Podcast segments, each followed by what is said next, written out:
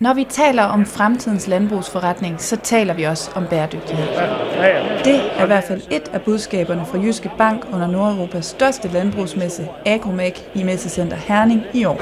Når vi er her i dag, så er det jo for at tale med rigtig mange af kollegerne i branchen og landmændene om, hvad det er, der er vigtigt for deres virksomheder lige nu.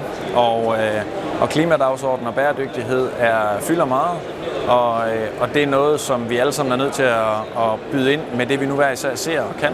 Og, øh, og der er det i hvert fald vores ønske at bidrage med nogle gode drøftelser i første omgang. Fordi så skal, så skal det nok nivellere sig. Ifølge markedsdirektør for Erhverv Syd i Jyske Bank går landbruget nu en tid i møde, hvor man med fordel kan forberede sig på flere parametre for at styrke sin landbrugsforretning. Jeg tror, den vigtigste del her, det er at forberede sig til, at hvad end der kommer, så vil jeg stå bedre med min virksomhed, hvis jeg har så lavt et klimaaftryk som muligt, samtidig med, at jeg har optimeret min, øh, min økonomiske styrke.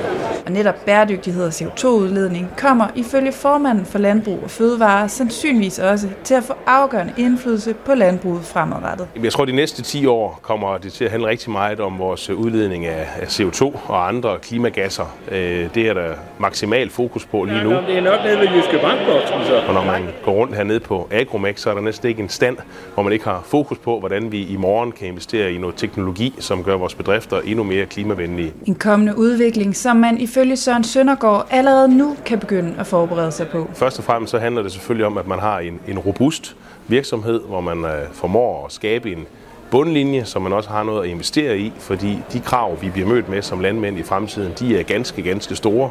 Så der bliver mange ting, vi skal investere i. Det er både, når det handler om klimatiltag, som jo er ganske aktuelt lige nu, men det handler også rigtig meget om, om dyrevelfærd, og i det hele taget at have en, en produktion, der er i balance med sine omgivelser. Og spørger man sidste års vinder af prisen som fremtidens landmand inden for bæredygtighed, Ja, de er ved at bruge nummer 7 boring noget nu her. ja, så kan det i den her fremtidssnak faktisk også godt betale sig at vende blikket en smule tilbage. Min bedstefar, han brugte jo alt, han havde på ejendommen, alle hans ressourcer. Og det er jo i princippet det, vi skal gøre på de større enheder, som vi har i dag. Men hvordan er det så lige, man i praksis kommer i gang, hvis man gerne vil skabe en mere bæredygtig forretning? Det er at finde ud af alle de ting, man gør godt først. Før man finder ud af, hvad man egentlig gør, og hvad der er mest bæredygtigt derhjemme, før kan man ikke begynde at udvikle sig og investere i bæredygtige løsninger. Og ifølge formanden for Landbrug og Fødevare, ja, så ligger der faktisk også et potentiale gemt ved i stigende grad at integrere virksomhedens påvirkninger i sit regnskab. Og så komme i gang med at prøve at regne på, hvilke påvirkninger har ens virksomhed øh, på de her bæredygtighedskriterier. Og så tror jeg stille og roligt, man kommer i gang med at arbejde med det.